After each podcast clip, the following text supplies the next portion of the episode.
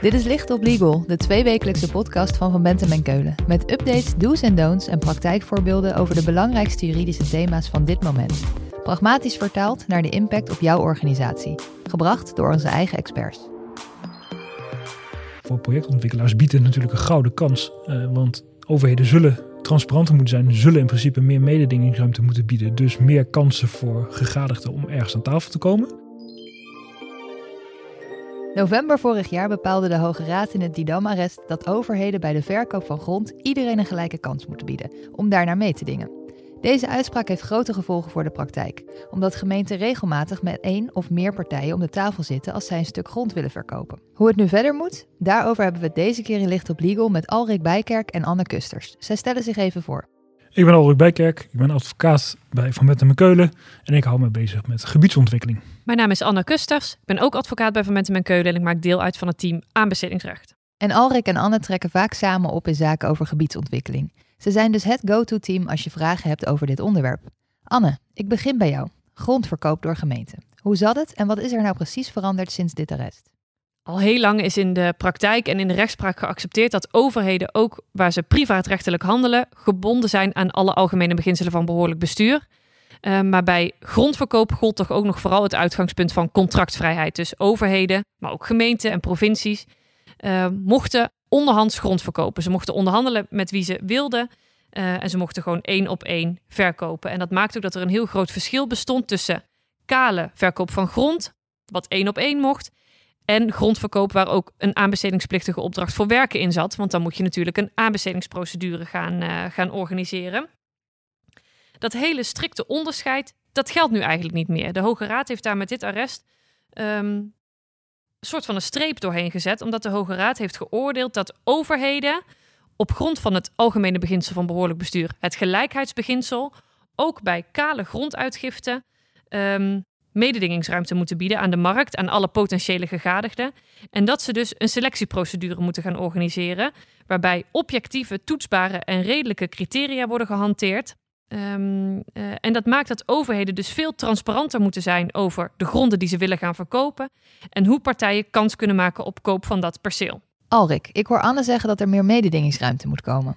Dus dat betekent dat meer partijen aan tafel moeten kunnen zitten om een bod te doen op een stuk grond dat de overheid verkoopt. Betekent dit dan ook echt dat iedereen maar mag aanschuiven? Nou, zover gaat de uitspraak van de Hoge Raad niet. De Hoge Raad heeft ook aangegeven dat overheden beleidsruimte hebben bij het formuleren van de selectiecriteria. Die moeten natuurlijk wel gewoon nog steeds objectief, toetsbaar en redelijk zijn.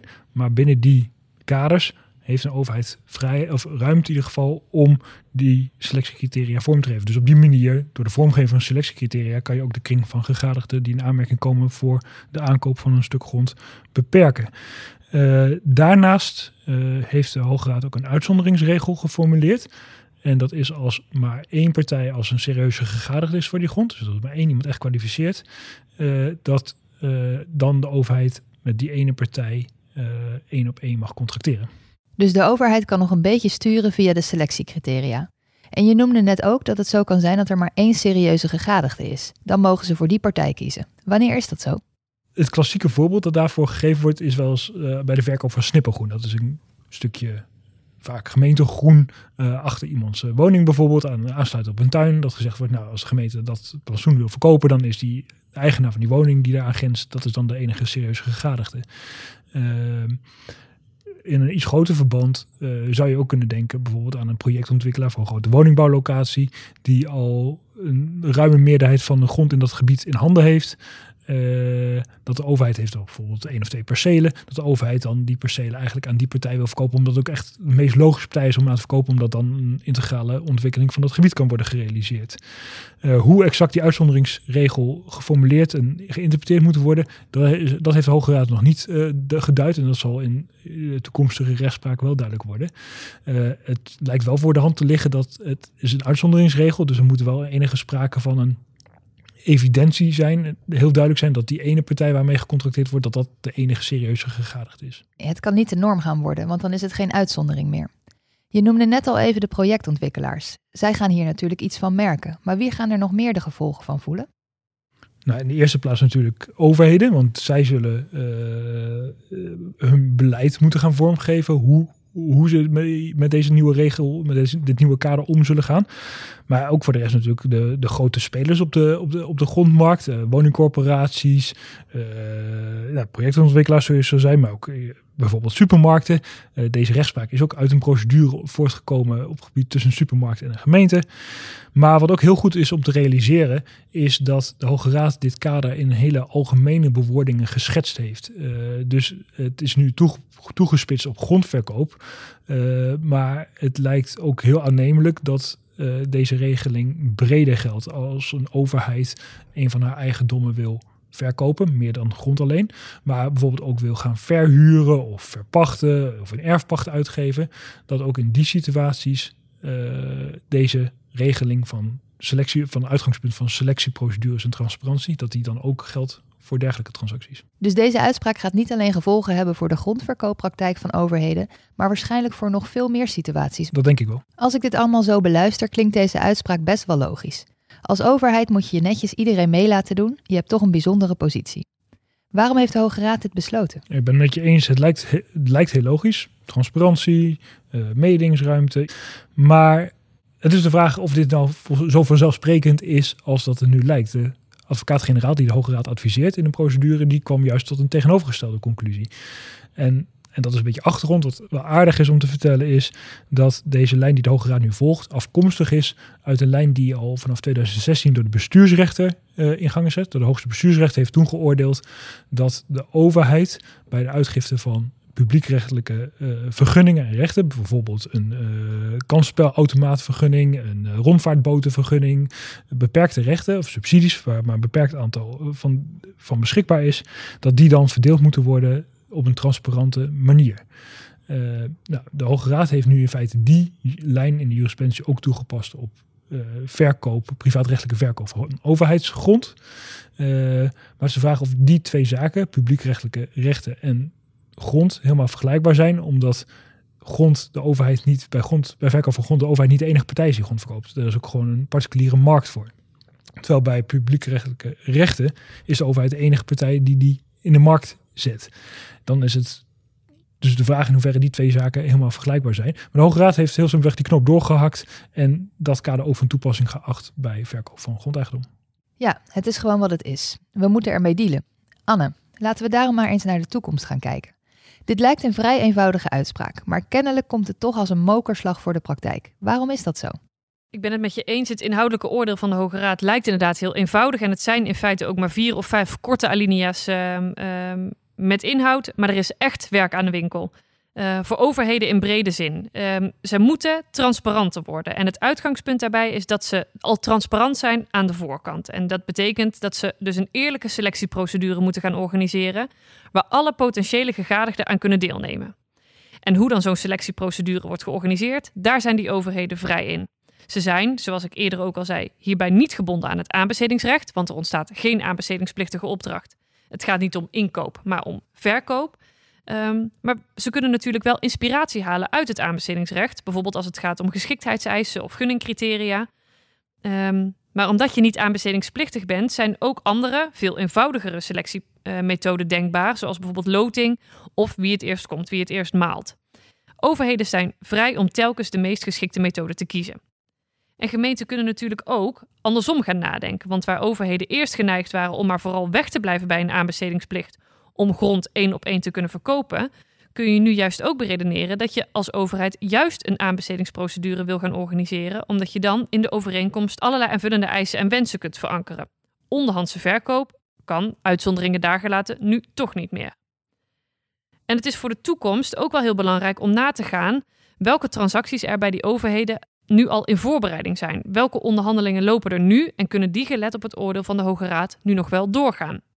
Precies, want je hebt eigenlijk drie situaties. Verkoop van grond dat al helemaal is afgerond, de situatie waarin een overheid nog midden in het verkoopproces zit en de nieuwe situatie, alle verkoop die sinds november 2021 plaatsvindt. Laten we naar de oude situatie kijken. Wat moeten we met zaken uit het verleden en zaken die nu lopen? Ja, wij denken niet dat alles wat in het verleden al is gebeurd nu nietig is. En dan hebben we het over uh, overeenkomsten die al zijn gesloten, percelen grond die al zijn geleverd. De Hoge Raad heeft daar in dit arrest niets over gezegd, maar wij denken niet dat al die overeenkomsten nietig zijn. Uh, uit eerdere rechtspraak kun je wel afleiden dat voor nietigheid bijkomende omstandigheden uh, nodig zijn. En dan moet het echt wel gaan om een heel ernstige schending van het gelijkheidsbeginsel. Waarbij de overheid willens en wetens en um, um, op onredelijke gronden andere gegadigden zou hebben gepasseerd. En dat zal zeker niet in alle gevallen um, zo zijn. Wat dus vooral belangrijk is, is dat je zaken waarover overheden nu in onderhandeling zijn met de markt, um, dat daar wordt geïnventariseerd wat er nu loopt. En gemeenten, overheden moeten zichzelf dan afvragen of voor die percelen mogelijk meerdere serieuze gegadigden zijn. En als dat zo is, dan moet je die onderhandelingen, die gesprekken die je nu aan het voeren bent, stopzetten omdat je dan alsnog een selectieprocedure moet gaan organiseren. En als degene met wie je nu praat, degene met wie je nu in onderhandeling bent, echt de enige serieuze gegadigde is, nou, dan hoeft dat niet. Dan mag je één op één verder praten. Maar dan moet je wel, eigenlijk transparantie achteraf, een aankondiging van de koopovereenkomst uh, publiceren, voordat je ook uiteindelijk die koopovereenkomst mag gaan sluiten. En in zo'n aankondiging, die kan je bijvoorbeeld op de gemeentelijke website of in het digitale gemeenteblad publiceren. Uh, dan moet worden gemotiveerd waarom die partij ook echt de enige serieuze gega gegadigde is. En wij adviseren dan om, wederom parallel aan het aanbestedingsrecht, een opschortende termijn van bijvoorbeeld 20 dagen in acht te nemen, zodat iedereen kennis kan nemen van de voorgenomen verkoop en daartegen ook nog stappen kan zetten, bijvoorbeeld in de vorm van een kort geding. Duidelijk. En Alrik, wat moeten we met grondverkoop sinds de uitspraak?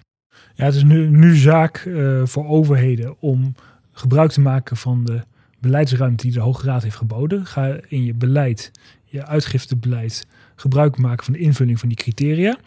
Um, en dan kan je de grondverkoop natuurlijk uh, wel sturen op basis van de criteria die passen bij je beleid. Uh, je zou kunnen overwegen daarbij ook aansluiting te zoeken, zoals Anne ook al zei, bij het aanbestedingsrecht. Dan kan je in je beleid bijvoorbeeld ook een uh, zogenaamde de minimis regeling uh, vastleggen. Dat je zegt van nou ja, grondverkoop onder een bepaald oppervlakte of onder een bepaalde waarde. Uh, nou, daarvoor gaan we geen selectieprocedure optuigen. op die manier kan je natuurlijk wel een grondbeleid vormen dat, dat past bij de betreffende overheid. Kortom, je moet als overheid vooruit gaan denken. Alrik en Anne, als je als overheidsjurist of bedrijfsjurist nu luistert, waar moet je dan direct mee aan de slag gaan? Anne. Ik heb voor overheidsjuristen eigenlijk twee tips. Eén, um, ga inventariseren over welke percelen grond nu onderhandelingen lopen. Hè? Over welke percelen grond ben je nu met de markt in gesprek? En mag je die onderhandelingen, gelet op het arrest, nog wel vervolgen? Of moet je die stoppen omdat je een selectieprocedure moet gaan uh, optuigen? Uh, dat is tip 1. Tweede tip is, sluit ik aan bij wat Alrik net al zei, ga actief aan de slag met het opstellen van je grondbeleid, zodat je op basis van een deugdelijk beleid, selectiecriteria, keuzes die je al hebt gemaakt, uh, voor de toekomst aan de slag kunt. En Alrik, heb jij nog een tip die je zou mee willen geven aan de bedrijfsjuristen? Ja, voor uh, bedrijven, voor, voor projectontwikkelaars biedt het natuurlijk een gouden kans. Uh, want overheden zullen transparanter moeten zijn, zullen in principe meer mededingingsruimte moeten bieden. Dus meer kansen voor gegadigden om ergens aan tafel te komen. Uh, dus maak kenbaar, zou ik zeggen, aan uh, bij overheden die interessante gronden in de verkoop hebben, dat je geïnteresseerd bent in die betreffende grondposities. Uh, en het tweede is, als je als uh, ontwikkelaar al in gesprek bent met de gemeente en je zou gebruik kunnen maken van die uitzonderingsregeling. Ja, het is allemaal hele, hele nieuwe materie voor iedereen. Ja, ik zou zeggen, denk proactief mee over hoe je van die uitzonderingspositie, die je ook wel objectief moet, moet kunnen motiveren, ja, hoe je daaraan voldoet. Uh, en wat die motivering daarvoor zou kunnen zijn. Dus ik zou zeggen, help daarmee dan uh, de overheid waarmee je in gesprek bent. Alrik en Anne, dank jullie wel. Als we meer willen weten, waar kunnen we dan terecht? Op de website van VBK staan de e-mailadressen van Anne en mij. En wij zullen ook uh, door middel van legal updates uh, regelmatig bij veel publiceren over dit arrest en vooral over nieuwe rechtspraak die uh, op dit gebied gaat volgen. Dit was Licht op Legal, een podcast van Van Bentem en Keulen. Te beluisteren via Spotify, Apple Podcasts of je eigen favoriete podcast-app. Wil je meer weten? Heb je suggesties voor een onderwerp? Of wil je dat onze experts hun licht laten schijnen op jouw juridisch vraagstuk? Laat het ons weten via vbk.nl/slash lichtoplegal.